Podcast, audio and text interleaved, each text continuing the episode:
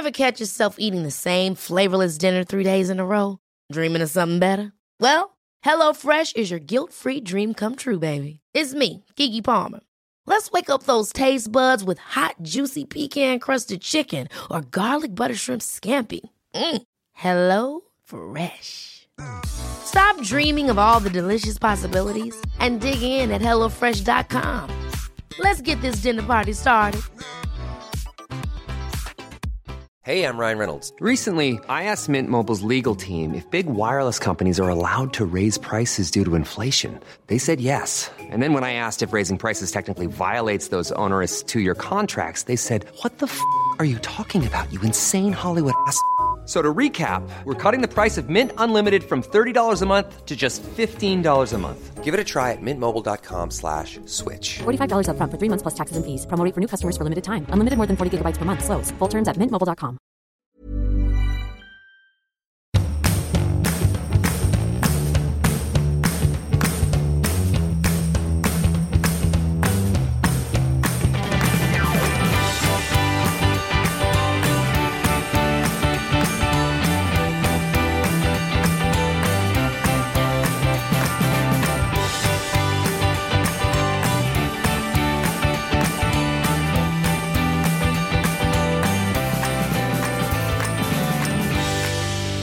Morgon!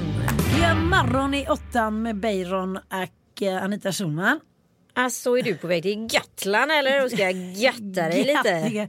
Ja, götta mig och götta mig. Jag vet inte längre den känslan, hur den känns. Man förstår ju att Gotland inte ligger på västkusten för då hade det blivit Gotland. Ja, det hade, det hade inte gått. Nej, det hade inte gött. Nu är jag så otroligt distraherad av din bröstvårta som handlar om Nej, det, vet du vad? Det är faktiskt skjortans. Jaha, jag såg bara Ja. vänster. Jag tänkte så här, nu får du sluta. Sluta ha, ha såna eh, perky boobies. Okej, vad bra.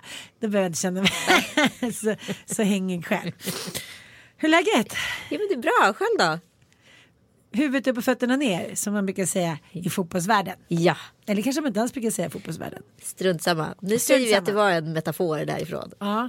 Nej, men jag ska faktiskt berätta någonting som är väldigt, väldigt roligt. Eller jag tycker det är väldigt, väldigt roligt. Det är väldigt talande för mitt liv just nu. Och nu kommer folk säga så här, "Mm, stackars dig då, lyxproblem, bla bla. Men det är bara lite så här äh, symptomatiskt för en stressad kvinna som har liksom envisats med att ha så jävla många ungar.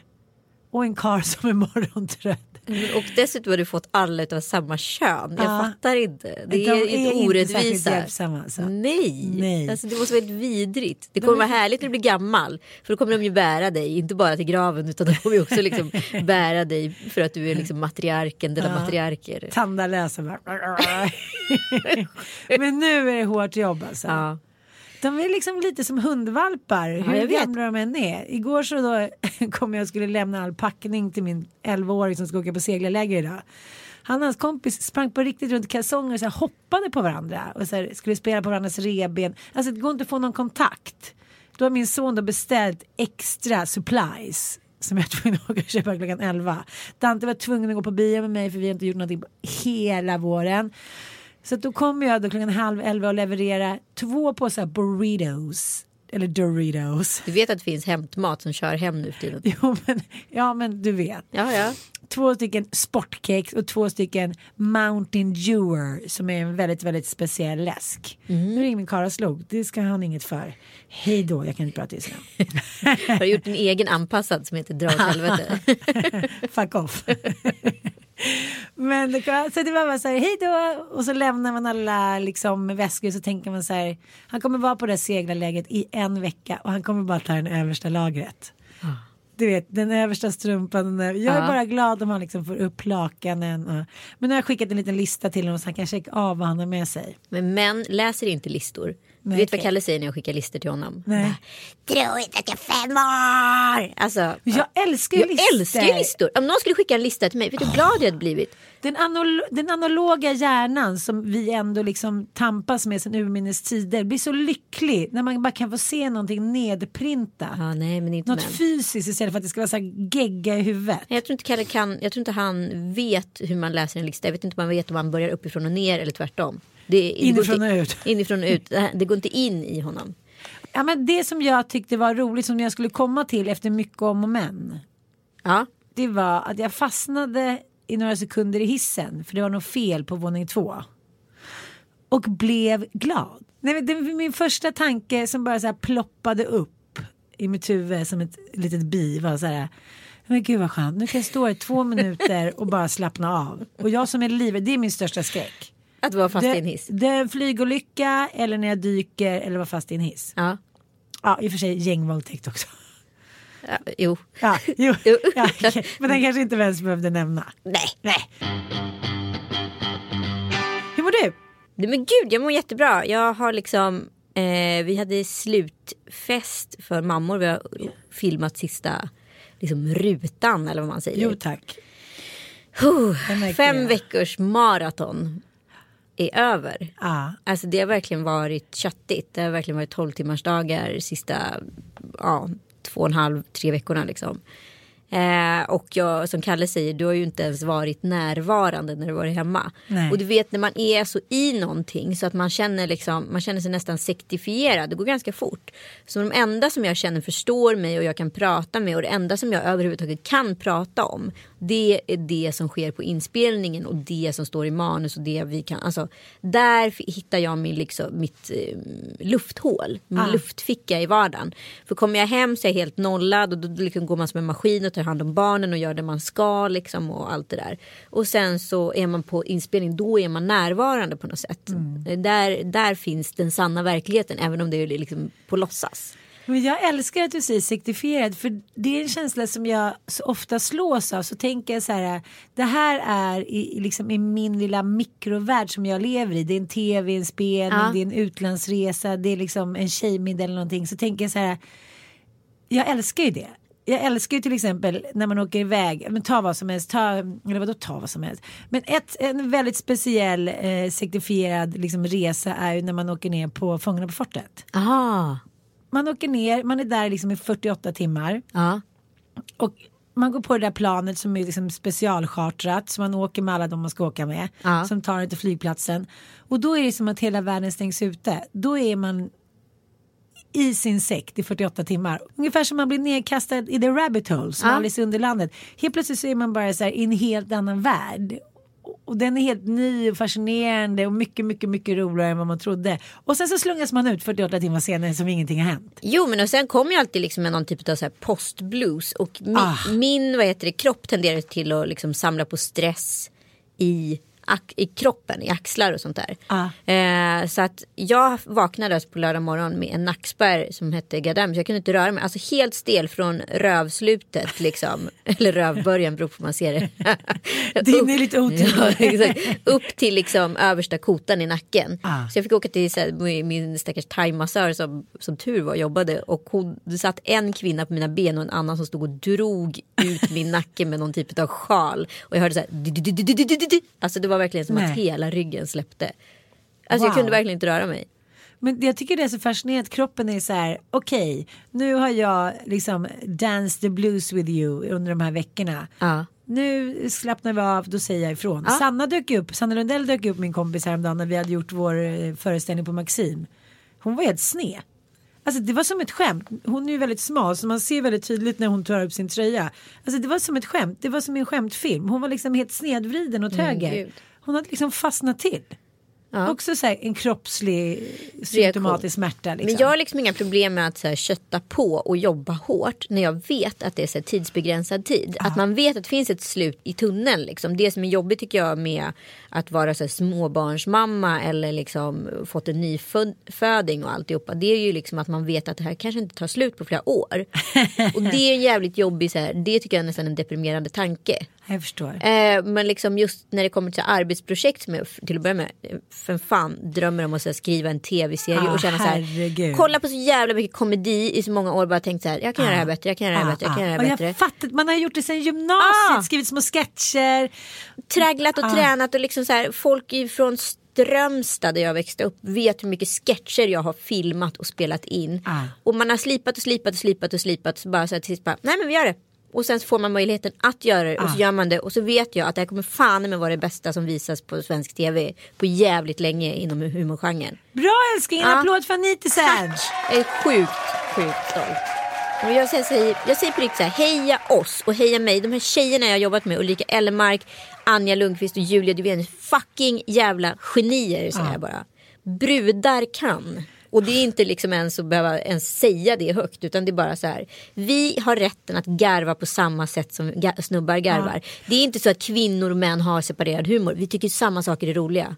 Det är ungefär att vi ska separera sexlust lite. Glöm det. Så här, vi har alltid samma tror jag ursprungshumor eller ursprungslust. Sen kan det påverkas av så här, sociala koder eller trötthet eller vad fan det nu handlar om. Ja, men fort det här ska ska bli göra- så kul tycker jag. Det ska bli så otroligt kul att se.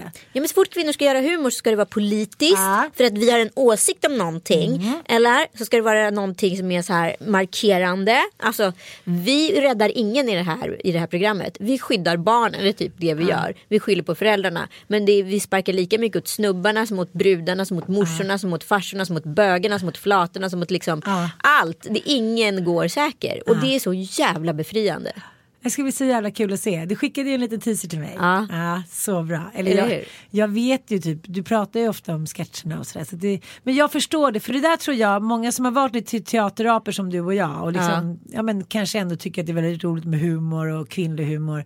Att få göra en sån serie, det känns så otroligt befriande. För jag tycker, när Höga klackar som gick på SVT, Ja, men det blir politiskt direkt. Ja, den hade ju sina pengar hit och dit. Men det är så här, direkt blir politiskt, direkt blir så här formulär 1A. Mhm, Okej, men det är klart att de skulle göra den där sketchen. Ja. Jag vet inte, jag, det känns så här befriande. Men Är det inte roligt när kommer två ju- kvinnor sitter och tar en latte och så tycker de si och så om saker och ting? Är det inte kul om två kvinnor bråkar på jobbet? Nej men det var faktiskt formulär 1 och jag blev faktiskt besviken. Verkligen. Jag tycker också att man har, på något sätt har man en plikt. Att när man får chansen att göra sådana grejer, vad det än handlar om, prata i en debatt, skriva en bok, en artikel, göra en podd. Då måste man på något sätt liksom blinka till samtiden och så ta samtiden ett steg framåt på Exakt. rätt sätt. Jag tycker det. Ja, men jag tycker att jag hoppas framförallt att det blir liksom någon typ av någon konsekvens av den här serien måste ske liksom för att så här om vi nu ska vara jämställda då måste vi kunna skratta jämställt åt saker och ting. Det är inte för att jag är kvinna jag kan skratta åt en man på det här sättet. Det är inte för att jag är en man så jag kan håna en kvinna på det här sättet och så vidare. Utan bara så här okej det här tycker vi är roligt. Ja. Så enkelt är det. Ja. Och så gör vi humor Det här därefter. garvar vi åt privat. Ja. Så här, Welcome to our girly dinner. Exakt, det här, där börjar det. Och sen får folk tycka vad de vill. Och det, vi kommer säkert få skit, mycket skit. För det är mycket som är per definition under bältet eller vad det nu är liksom. Men vad fan, det skiter jag fullständigt i. Ja, billig humor. Ja. Nej, det där kommer bli skit. Det kommer bli en sucka. Det kommer bli en sucke. Men apropå för att återknyta till det vi pratade innan. Den här liksom lilla mikrosektifieringen. Jag har i alla fall den här helgen underhållit mig genom att kolla på en hashtag som var Gio and Oscar. Oscar med C. Det är alltså Giovanna Battaglia som är alltså modechef för italienska Vogue. Eh, och hon har gift sig med en svensk kille som heter Oscar Engelbert. Och utav, det har varit en trend har jag märkt i vissa så här överklassammanhang sista tiden att man antingen har man the fest de la fest eller så har man bara fest för att man kan för att man har mycket pengar. Det har varit mycket sådana tillställningar nu på sistone. Eller så ger man en håll käften weekend och har liksom the wedding of all weddings. Ah. Som så här konkurrerar ut varenda jävla helg som finns Ah. att åstadkomma. Men det var väldigt mycket Here comes the bride och någonstans här inne är ju liksom det som sker, vi Ja. ser på Instagram är the brudgum. Men gå in då på, På hashtaggen Ja. Gio, G-I-O and Oscar, O-S-C-A-R. Men grejen är, kan jag få göra lite paralleller här Ja. nu? Ja. Eh, nu börjar jag direkt tänka på vår förra obsession. Vilken var det? Ja. Perselli-bröllopet. Nej, nej, nej, det här Pirelli-bröllopet, det är som en hennes så här, klack på skon. Jag, jag vet här. att det är det och det här är ju mycket liksom eh, om man säger att att Perrelli var ett Kikki Danielsson bröllop Ja. så var det här liksom the shit. Men det som var så roligt med Perrelli bröllopet var ju att det var bad taste. Vilket gjorde att det blev så extra härligt och hålla ut. Alltså, det är bad taste med pengar och det är de roligaste bröllopen att följa. Det är de roligaste festerna, det är de Ja. roligaste relationerna. Det här är ju lite för fancy för mig. Jag kan inte riktigt gå igång. Det jag går igång på är tydligheten i att hon är så van vid det här. Det är fashion, det är glamour, det är rosenblad som kom ner från himlen. Gud vet hur de kom ner på den bilden. Det låter, verkar som att det var roskanoner. Ja. Bara det hade ju så ätit upp hela budgeten på mitt bröllop. Det här måste ju kosta, alltså jag vill inte ens tänka 40-50 mil Ja, kanske. ja, ja. Och det finns, alltså det är som en live-doku som går att skåda på liksom, Instagram. Det börjar liksom med en rehearsal dinner dagen innan. Som är någon, och där är någon tidningskiosk som är ett photo booth. Där man kan då få sitt ansikte på alla världens olika omslag. Och hela den här tidningskiosken är bara full utav bilder på paret som ska gifta sig och gästerna. Med olika typer av så här, Herald Tribune, eh, liksom New York Times etc. Det var Vogue. härlig idé. Så härlig idé, älskar. Ja, men ja. Ja. Jag bara mamma. Gotlandskuriren. Frida. Solo. Bara, ah, ah, I och för sig lika roligt. Lika roligt. Örebro, Öre- Örebrokurren. Ja, eller hur? Ja, men det som slår mig är att jag går tydligen igång på när det liksom inte är för flashigt. Hon, det här bröllopet är ju helt untouchable. Ja, men hennes outfits, alltså det var ju helt bisarrt. Beskriv den lite. Nej men hon hade en brudklänning från Alexander McQueen, sen hade hon en Oscar de la Renta klänning sen på dagen in och sen bytte hon om en gång till och sen så var det en da- dagen efter bröllopsfesten party som var på en stor jävla båt. Ett hangarfartyg som hade inrett till en nattklubb. Ja, alltså ni måste bara gå in och kolla, alltså hennes outfits är helt bananas. Man håller Lite på och Swan. The Swan har ju kört. Lite svanaktigt Ja, med långa fjädrar och Nej, men helt otroligt, helt, helt otroligt att titta på. Ögongodis de la Cour. Okej, men nu håller vi på att missa hela min liksom spaning på Ja, det men här. säg då. Ja, Jag har också en spaning. ja, nu är det så himla hemskt att jag ska säga det här men, men eh, jag umgås faktiskt inte med de här människorna längre. Jag har varit på två bröllop i mitt liv där jag har suttit i kyrkan och respektive då inte i kyrkan för det var någon annanstans och känt så här. Det här är bara ett fejk. Det här är bara ett spel för galleriet. Det här är bara för att de ska få en fest och få visa upp sig. Den här relationen är inte bra. Det kommer vara slut inom två år. Och det har stämt båda gångerna. Ja. Det är En- man känner i luften om det är for real. Jag vet inte, det är bara så här, man känner det bara. Och när det är det, det är då mina tårkanaler sätts igång även om det är en gammal lada eller lumpbod eller ute på gatan. Då går jag bananjas. Ja. Då är det så här nära och liksom gnistrande och knastrigt och känslorna är liksom utanpå alla och alla är med. Förstår du vad jag menar? Ja. Det är inte bara att man kommer dit för att se vad det är för ögongodis som ska hittas på. Jag ser ju den här, nu ska jag inte säga stackars Oskar Engelbert. Som han är svensk. Vi är bara svenskar. Vi är inte vana vid den här glamouren. Vi har det inte i vårt blod på samma sätt. Även om vi är överklass och har miljarder så känner vi oss inte riktigt bekväma när vi hamnar i det här rampljuset. Nej, men jag tänkte på de eh, liksom svenska Instagram-följarna som jag följer då. Karo Winberg, Sofie Farman, eh, vilka var det mer? Eh, Josefin Bornebusch och några till, Erik Torstensson. Eh, som liksom inte la upp speciellt mycket från, för att det gick liksom inte riktigt att så här, våga stå för det på något sätt. Eller så kanske man bara vill behålla det och vara med i upplevelsen. Så tänker jag. Jag tänker att det måste vara fruktansvärt kul att vara där som gäst. Sen kanske det inte är jätteroligt att vara make, eller så har han skitkul. Det vet jag inte för jag ska, man kan inte döma allt utifrån Instagram. Förmodligen, de är ju ett extraordinärt par på alla sätt och vis. Och jag tänker ändå så här, någonstans kan jag gilla henne bara så här. Jag är brud en gång i mitt liv, nu går jag fan med all in. This is my party. Det, det kan jag gilla. Och har man pengarna, varför inte sätta sprätt på dem? Jag menar, herregud, jag skulle inte säga nej till att gå på en sån fest. Aldrig. Nej det vet vi. Men vet it vi. was a lot of shows. Ja. It was a lot of shows. Exempelvis när hon slänger eh, själva brudbuketten så är det liksom en uppbyggd eh, dansgolvs catwalk som hon promenerar på kanske tio gånger fram och tillbaka och hon har inte ens slängt den då så hon har liksom en egen liten modeshow där. Men jag funderar på det ur ett annat perspektiv också för hon, det här är en tid som är väldigt intressant för att hon är då moderedaktör på en av världens största modemagasin. Det är egentligen Anna Wintour då är liksom crème de la crème, queen de la cream men är väldigt noga med att vara ett med varumärket. Ah. Nu är hon större än varumärket. Det är farligt. Det är farligt. Mm. Hur kommer det här respekteras och anses? Eller är det en ny era vi är inne i? Spännande, där människorna spännande. Mm. bakom är större än människorna på omslaget. Sant. Spännande. Eller hur? Ja. Vi tänker lite på det. Ja. Eller vadå? Jag tror att du har rätt. Men jag undrar vad det leder till. Alltså förstår du vad jag menar? Jo men helt plötsligt är en AD eller en, en redaktör större än, än liksom eh, Jennifer Lopez på omslaget. Ja, jag eller om det är... Men du måste i alla fall påminna mig nästa sommar när jag fan ska gifta mig. Ja. Inte i en gräddbakelse men i något annat. Det är lite olika du vet. Ja, Från dag till dag vilken typ av klänning jag ska ha. Men det lutar ju mer mot typ Kate Moss, lite hippie chic. Lite hippie Det chic. vet vi.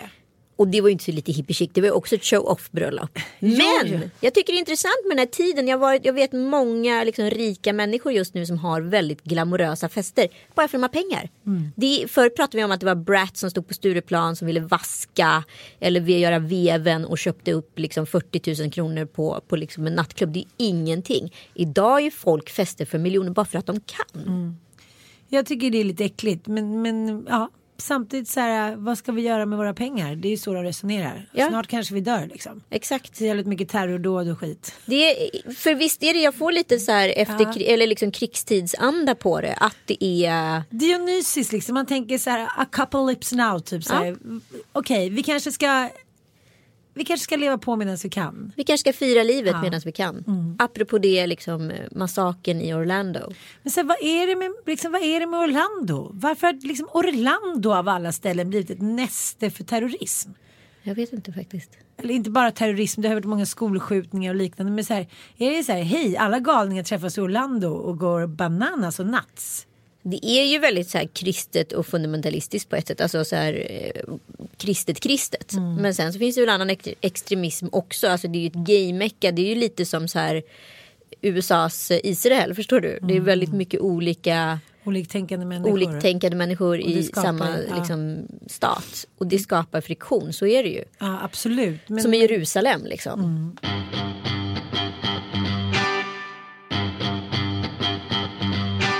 Men jag försöker så mycket tänka mig in i någon psyke. Han har ju varit gift tidigare.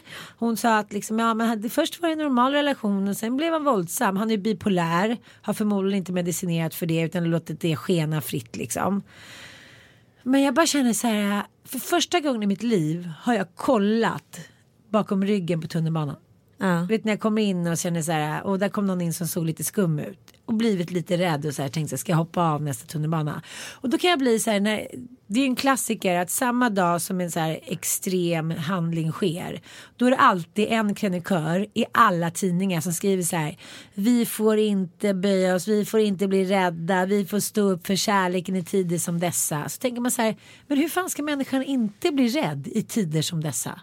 Hur Ja. ska vi kunna liksom hålla oss här, åh flower power Jesus, men vi älskar ju alla andra. Oj, nu dödade någon mig med en bomb, men skit i det, vi är ändå bara glada. Hur ska man hitta liksom, ursäkta uttrycket, terrorbalans i det här? Ja. I det som pågår just nu. Och därför tror jag människor blir så här, okej, nu skiter vi, nu anammar vi en dionysisk livsstil, imorgon kan vi vara döda. Jag tror det, jag tycker att man får lite den känslan på människor överhuvudtaget. Men när man slår på gaykulturen också, det är något eh, oerhört, alltså exceptionellt laddat i det. För du slår på den fria världens friaste liksom fackla. Förstår du? Att det här är liksom toppen på berget utav så här, det här är vad demokrati står för, det här är liksom det fria samhället. Eh, och det är något jävla läskigt i det. Och sen så ställer du liksom minoritet mot minoritet. Det finns något obehagligt i det. Eh, som är så oerhört förgörande på något sätt. Det här är liksom ett fruktansvärt krig på alla sätt och vis. Jag tror vi lever i ett tredje världskrig utan att vi vet om det. Det kommer tillskrivas senare. Precis, det kommer aldrig uttalas på samma sätt som det har gjort innan. Att så här, nu skriver vi under Nej. och nu är det tredje världskrig. Men, men här, det känns som att det pågår ju överallt. Och jag tycker man känner det själv också. Jag är så himla blödig. Liksom för tillfället. Det är klart att det har med hormoner att göra för att jag är på smällen och det. Men det känns som att det, så här, allting kommer i fatten. Man tänker så här. Allt det här pågår. Världen håller på att gå bananjas. Så här, vad är det jag har? Ja men det är liksom. Det är min familj. De kanske inte är så hjälpsamma. Nej men jag menar inte så. Men det är så här är Väldigt sådär känslosam för tillfället. Det kanske har med det att göra. Ja, och vi har varit så himla måna om att så här, skydda våra barn för den här typen av nyheter. Och, men nu börjar Penny bli så här gammal som börjar så här, fråga vad är det som händer. Ja, ja. Varför är folk ledsna? Varför skjuter han? Varför är, varför är det där på tv? Och då måste man börja förklara. Och det är en sån oerhörd sorg i det tycker jag. Att så här, börja liksom berätta för henne hur världen egentligen ser ut. Ja. Det, det är en fruktansvärd grej. Och man bara säger, jag vet inte vad det är för värld vi ger er. Vad jag, ger, vad jag har tvingat er att väx, kommer växa upp i. Kommer ni ens leva? Det vet inte jag. Och det är en, det, alltså det är en sån bottenlös ondskefull känsla. Men jag tänkte på när Sovjetunionen, ja, nu Ryssland eh, och Sverige höll på att hamna i krig när en eh, ubåt strandade.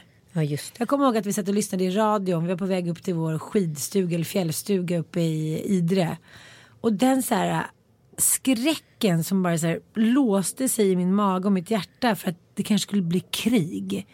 Och jag kan minnas att det kanske var så här två, tre sådana här världsomvälvande grejer under hela min uppväxt.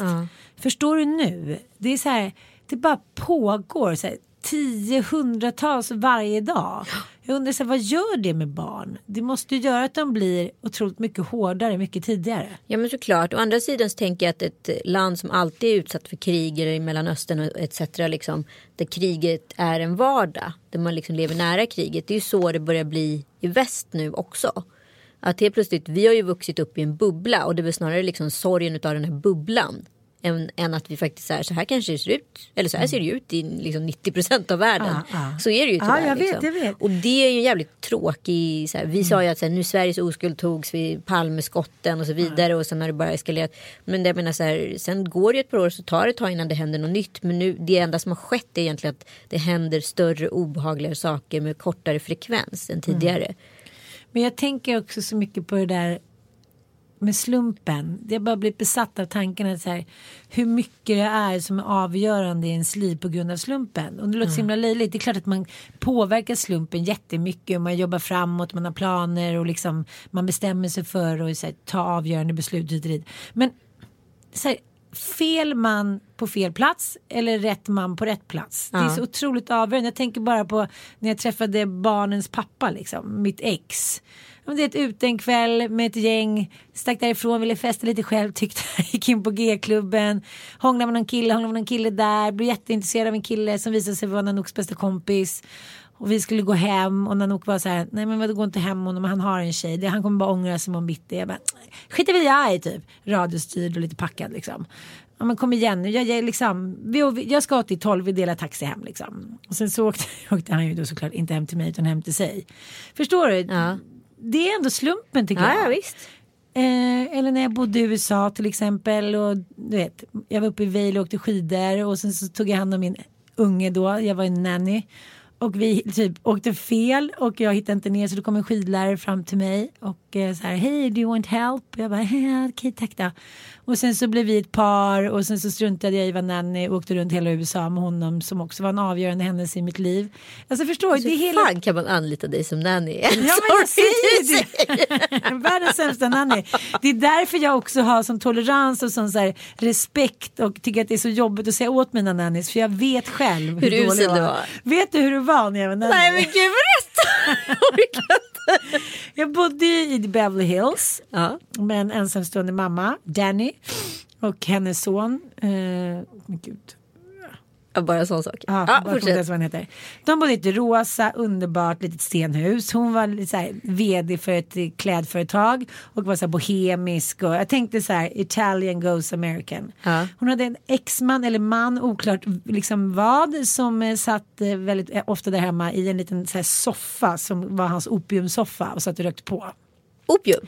Ja, hon försörjde honom eh, och liksom ja, så kraftigt medberoende. Hon hade köpt en li- liten lägenhet till honom nere i downtown LA. Han heter Chance förresten. Och, eh, och så hade hon köpt en liten restaurang till honom så han skulle ha något att göra.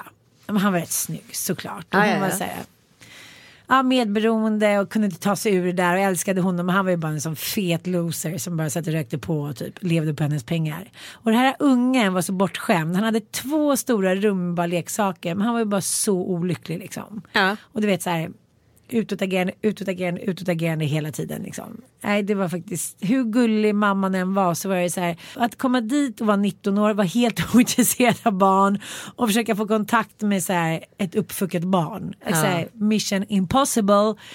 Så att jag, jag tackar för mig. Du tackar för dig. Nog är det inte världen va? Ja. Ja, testa både det ena och det andra va?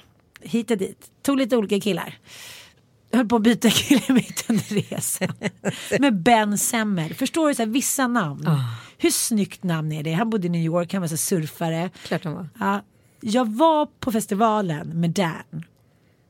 Träffar Ben Semmel under någon form av rouse. Rouse. Blir kär i honom. Ja. Börjar dansa med honom och hångla med honom framför Dan som bara "Ja, ja, whatever typ går iväg. Rymmer lite med honom. Typ med hans bil. Vi planerar och liksom dra till Hawaii och börja surfa. Klockan fem på morgonen vaknar jag upp lite ur mitt rouse och inser så här, jag är på en resa med Dan, min kille. Jag orkar inte. Men det där är väldigt roligt. Apropå det. Hur många gånger, hur många fyllegrejer eller så här rouse-grejer har man inte bestämt sig. Du och jag dagen efter, vi ska bara eh, eh. Och så tar det liksom, ja kanske går fram till till och med nästan lunch dagen efter och det är så här, ångesten börjar krypa på mig. Bara så här, fast jag vill inte alls hänga med dem idag. Eller jag vill inte alls dra iväg med honom.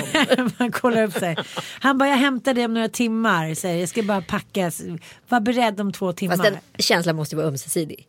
Ja, men alltså jag, jag känner så här, jag ville ju åka iväg med honom, men där kom ju min svenska ådra. Där kom ju Luther. Vad ska mamma säga? De var redan inte jätteglada när den här min nanny-mamma ringde och bara hon har ringt här för 40 000 kronor från vår telefonutrid. Så de hade jämnt skägg hemma i Sverige ändå. Jag känner så här, kanske inte så här kan rymma, ja du fattar. Jag fattar, men var det verkligen Luther? Var det, det var ångest generellt. Det var så mycket, alltså det var väldigt mycket ångest överlag tycker jag under några år där av ens liv. För man gjorde så många crazy bananjas Fan, grejer. Ja, men det är som min Paris... Impulsstyrning? Nej. Man bara hoppade på liksom, man bara, åh ett agn. Man bara, ah! Man Ja, var jag är liksom en gädda. Jag har haft en sån jävla tur att inte jag har dött. Med tanke på hur mycket sjuka grejer jag har gjort i tidiga år. Mm. Och så många knasiga beslut. Och så illa saker och ting kunde ha gått. Ah. Bara för att jag antingen bara var noll impulskontroll. Ah. Eller bara så här. Hamnar liksom med Slumpen. fel gäng. Slumpen. Det är fan med tur. Ja. Säger jag bara. Men jag är också glad att jag har gjort det. Men jävligt glad att det inte gick värre. Herregud alltså. Jo men det är som jag säger ofta, man får vara glad att man överlevt. Verkligen. Häromdagen gick jag igenom lådor och hittade då några gamla bilder på mig och Danny. Ja. Han har så lockigt hår så att jag aldrig sett något liknande. Alltså det är så krusigt, du vet. Ja, ja, ja. Ja. Finns en film med Sean Penn när de har permanentat Ja, jag vet krus. exakt. Ja. Vet vilken det är? Ja, ja. Sånt hår har han. Alltså han är jättesöt men jag kommer ihåg att han var ofta så påröd. Menar du Harvey Milk? Ah, ah, Mm, Harvey Milk. Milk. Nej, men jag kommer ihåg vi åkte omkring i den här folkabussen och så åkte vi till hans farfar som bodde i Florida i en sån här trailer Såklart. camp. Och det är en bild på mig när jag sitter i en bikini, en väldigt konstig bikini för vår packning har inte kommit med flyget. Jag vet inte, vi har flyg... jag vet inte hur allt det här gick till men helt plötsligt så flög vi till Florida. Jag vet inte vad vi gjorde av den här folkabussen. Då sitter jag där ganska glad i hullet efter att ha bott några månader i USA. Det var ju helt okontrollerat tycker jag. Komma från Sverige. Ja, och sen bara liksom, utsättas för alla dessa 90-tal. transfester. Ja, man bara... "Wow, wow." Så är man ju så här, där tycker jag man är väldigt svensk. Får man en tallrik med mat då äter man upp det. Så är jag bara. Men helt plötsligt så var ju tallrikarna sju gånger större. Jag var så här, "Rah, rah." ja, sitter i en liten bikini där och ser ut som 12 år gammal. Alltså jag ser så ung ut. Jag tänker så här, men gud har jag ens sett ut så där? Då tänker man så här, men gud jag har ju levt ganska länge. Ja. Du är ju faktiskt 150 år. Nej, men man känner så här, jag är så glad Ja. att jag har gjort så mycket. För när jag tänker på mitt liv tänker jag så här, ja men jag har väl levt ett vanligt liv, rest lite hit och dit. Så bara, nej det har jag inte.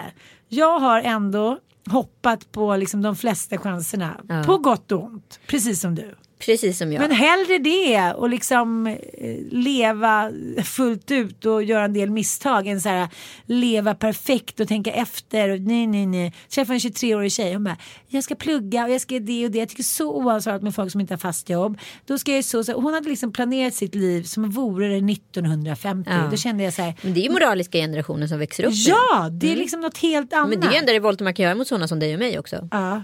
Men jag, apropå saker, man inser att man, har, att man faktiskt är ganska gammal. Ja. Det skedde ju nu i helgen. Jag, för jag så här, har börjat röka elcigg eller sån här vejpa eller vad fan det nu heter. Jo älskling jag vet det. Ja, Ja. för åtta veckor sedan. Ja, och nu har jag ju tagit alltså en cigg totalt. Jag har rökt en cigg i tre. Det var en gång när min vejpa tog slut så rökte jag ja, nästan en hel cigg. Ja. Hemma hos Stoffe där du, i fönstret.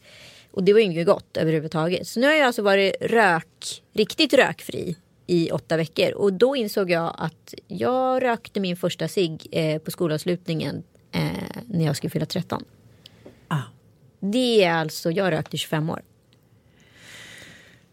Det är någonting, alltså så här, jag har typ borstat tänderna och kammat håret. Det är det jag har gjort längre. Men något annat har jag nog inte gjort längre i så här, saker jag har gjort i mitt liv. Du rökte innan du tog oskulden, eller hur? Ja. Fan de där ciggisarna, det är det jag säger till min son nu som ska fylla 14. Jag säger så jag förstår om du vill testa både det ena och det andra, du kommer och bli full. Men så här, skippa ciggisarna. Men saker som inte kommer Så finnas i framtiden. Cigg, Ja. eh, striptease och eh, studentflak. Apropå striptease. Ja. Kan. Mm. Alltså det är så skabbigt att människor och män framförallt då i ledande positioner men också ganska härliga yrken, kreativa. ja men den här Jonas Fors då som nu har varit vd för tidigare Tre Vänner som nu blev SF Studios för ett par år sedan eh, har ju då för skattebetalarnas pengar likt en kommunalskandal satt sprätt på väldigt höga belopp på cancer. Sen så tycker jag att det är så här dubbelt för att de menar på att det var så här kostnadseffektivt att hyra den här j- yachten som de har hyrt. Den kostar 500 000 i veckan. De har säkert fått ett bättre pris. Såklart. Och då hade de både så här, eh, sina möten förlagda där och då bodde de där på. Och ja, jag, alltså så här, ärligt talat, alla vet hur dyrt det är under Cannesfestivalen att bo på hotell. Ett helt gäng på kanske 10-12 personer. Alltså hotellnätterna kostar typ 10 000 per natt per person. Och ska du vara där i en vecka så blir det liksom, ja det är typ 70 000 per person. Så räknar det igång. Ja. Så att jag tror kanske att det var faktiskt en kostnadseffektiv sätt att bo. Det är inte det som är den stora skandalen. Den stora skandalen är väl att de gått på den här VIP som har topless eh, servitriser. Det är ingen regelrätt eh, liksom eh, strippklubb men det är en klubb där kvinnohandel sker. Utan tvekan. Så här tycker jag. Män och kvinnor, eh, hundar och sköldpaddor, så här, gör vad fan ni vill på era privata resor. Även fast jag inte tycker att det är liksom Men Ja, hur kan folk inte göra saker och ting för statliga pengar? Fattar man inte att man blir granskad? Är man dum i huvudet? Men det är som den här prästen Vad var det för präst? i Botkyrka. där. Man är så här, jag blir så fascinerad för visst kan man göra dumma amoraliska saker liksom i liten skala.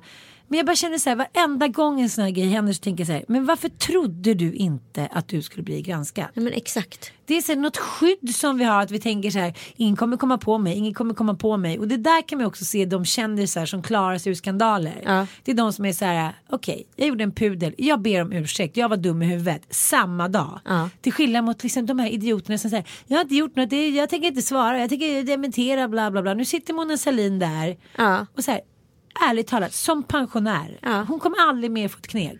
Ursäkta uttrycket. Men hon kommer man kunna föreläsa och lite sånt där. Men, Jo, men, ja, det kommer ju bli skit. Hon kunde bli känd så. Men man kanske inte vill avsluta sin karriär runt 50. Nej, det är inte kul. Nej, jag tycker det är sorgligt. Nu skulle jag vilja avsluta med att berätta om en väldigt hemsk helg jag hade i Cannes. Ja. Är det kul? Jag tycker Absolut. man kan köra lite anekdoter. Och så kan jag tycka, få avsluta med en liten, eh, en liten solskenshistoria. Jaha. Ja, men Och då börjar jag med den här. Ja, börja med din. Jag var ju då otroligt förälskad i den här mannen som jag berättat om innan. Eh, som inte var särskilt snäll. Just det. Mm. Han är jättesnäll nu mot sin nuvarande fru men han var inte det mot mig. Nej. Och han hade då åkt till Cannes med sitt företag och jag skulle komma efter på midsommar. För då Ja. är då de också har någon stor reklam. det. Ja. Och jag kanske inte var jättestark eller jättestabil eller så här hade världens bästa självkänsla. såklart. Can Lion. Så jag kom dit då och kom från flygplatsen på, till hotellrummet och han var helt slut för de hade festat till halv sex på morgnarna. Och jag hade med mig några gympadojor i present kommer jag ihåg. Och jag bara kände så här, det var en skitsnygg tjej som jobbade på hans jobb. Och hon var typ så här 37. Det var så här wow, hon var gammal men hon var ändå så jävla snygg för att vara så gammal. Och jag bara kände så här, jag vibbade så här. De två gillar varandra. De eh, kanske inte har knullat men de kommer göra det så fort vår relation tar slut. Du vet, man bara känner det. Jag har aldrig känt så tydligt i hela mitt liv. Och så här, han vi badade hela natten och hit och dit. Och jag bara såg så här, hela tiden så ville de två hänga. Nu hade det redan gått ut för mellan honom och mig så jag liksom, det var inget konstigt. Men att vara där den där helgen och veta att så här, han hade en flört med den där bruden på jobbet. Så jag fick liksom gå omkring som någon musa till hans här, gammelchefer. Du vet sån ångest. Så som hämnd hånglade jag med en annan kille. Men det var ju bra. Ja. Men så där var det med mitt ex också. Det var helt vidrigt. Jag visste att det var en tjej som man var superförtjust i. Precis när vi skulle gifta oss. Så hemskt. Och helt plötsligt ser man bara en bild på de två. Att de står så här bredvid varandra. De har hängt hela tiden. Man bara, så här, man bara vet det. Man bara vet det så Ja, instinktivt. Och sen så var det någon fest där eh, han hade tappat bort sin jacka. Och jag gick och letade efter den. Jag kom också senare till den här festen. Från en annan fest. Och var lite så här för överklädd. Och såg ut som, ja, såg inte ut att passa in i sällskapet. Verkligen en katt bland hermelinerna.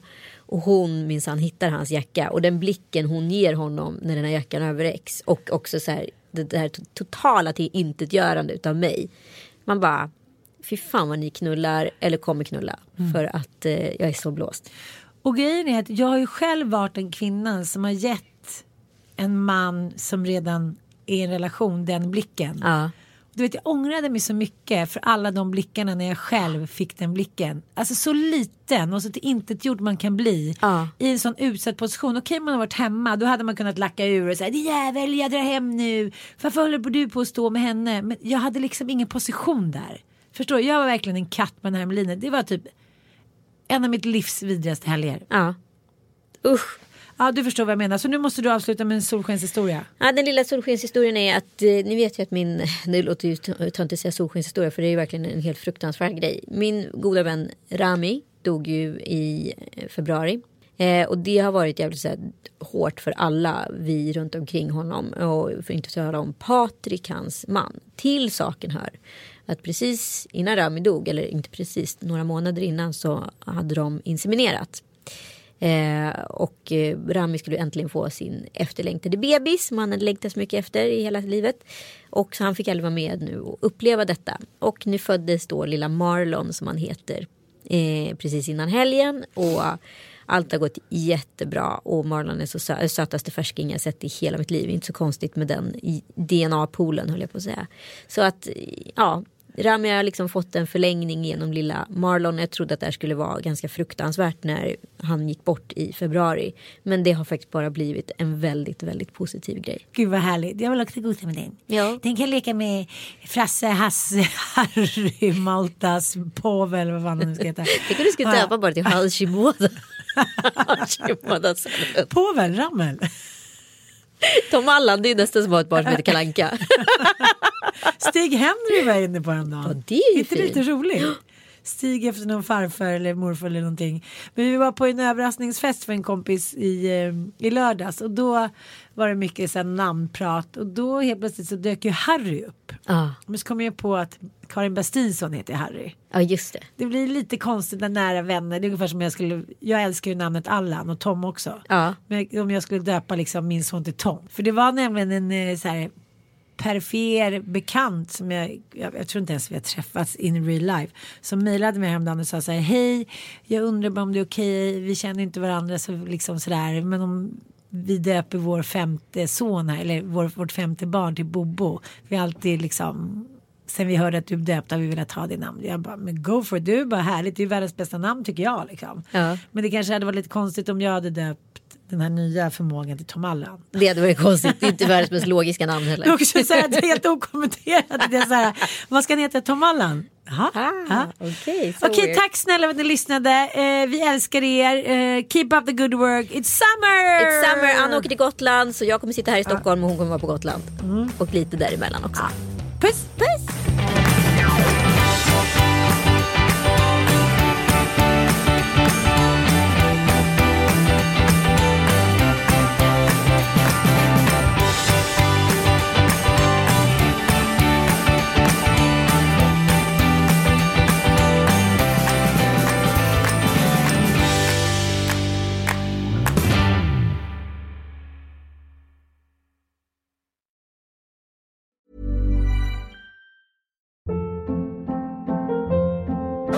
Hold up. What was that? Boring. No flavor. That was as bad as those leftovers you ate all week. Kiki Palmer here, and it's time to say hello to something fresh and guilt-free. Hello Fresh. Jazz up dinner with pecan-crusted chicken or garlic butter shrimp scampi. Now that's music to my mouth. Hello Fresh. Let's get this dinner party started. Discover all the delicious possibilities at hellofresh.com.